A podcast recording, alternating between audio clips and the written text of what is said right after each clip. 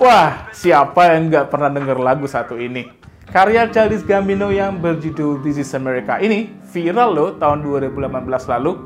Ada fakta menarik di lagu ini. Pada lagu Gambino ini, ada banyak suara etnik rapper lain, seperti 21 Savage, Young Thug, hingga Quavo. But, since we are pinter politik, kita nggak bakal bahas siapa saja yang ikutan di lagu ini. Justru, poin dope dalam lagu ini adalah pesan-pesan di baliknya. Banyak yang bilang kalau Gambino mengaitkan isu rasisme sosial di Amerika Serikat, khususnya bagi warga Afrika Amerika. Di tengah ramainya protes Black Lives Matter, lagu ini langsung menempati posisi puncak dalam tangga lagu. Nah, kenapa sih lagu ini ngetren lagi? Apa sih kaitan lagu rap ini dengan Black Lives Matter? Inilah mengapa. Kalau kita ngomongin soal rap, pasti nama-nama populer seperti Drake, Jay-Z, sampai XXXTentacion muncul di kepala kita.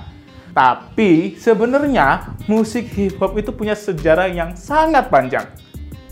Hip hop lahir tahun 70-an di Bronx, New York. Kala itu muncul DJ-DJ tuh. Ada DJ Cool Herc dan Afrika Bambata.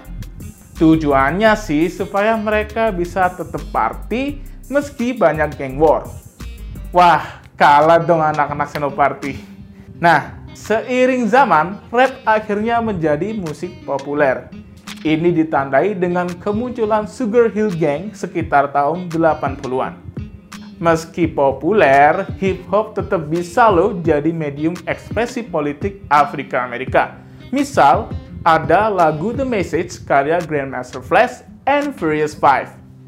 Nah, di abad 21 sekarang, fungsi politisnya tetap eksis.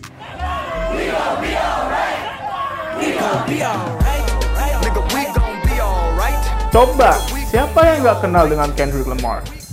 Wah, saking kerennya nih Kendrick, dia jadi rapper pertama yang memenangkan Pulitzer loh. Seenggaknya, Kendrick ini bukan satu-satunya. Pada tahun 2017, Eminem juga memainkan freestyle-nya buat ngedis Trump loh.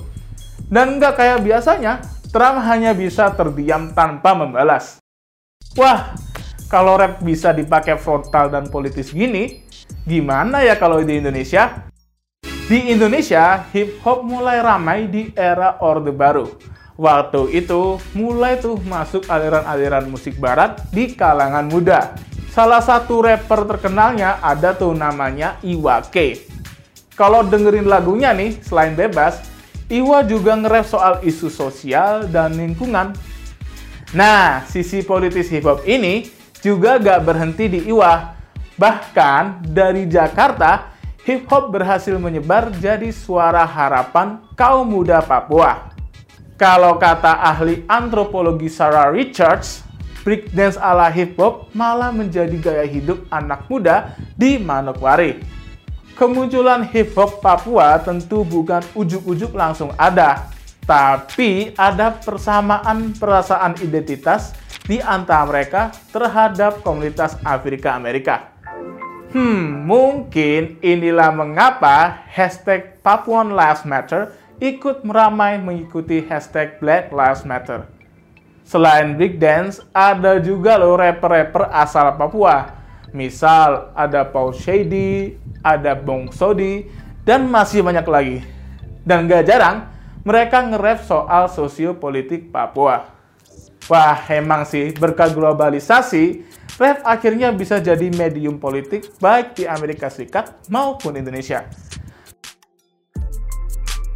Terima kasih ya udah dengerin episode ini. Kalau kalian suka, jangan lupa dengerin episode-episode lainnya dan kunjungi website pinterpolitik.com biar dapetin info politik yang menarik.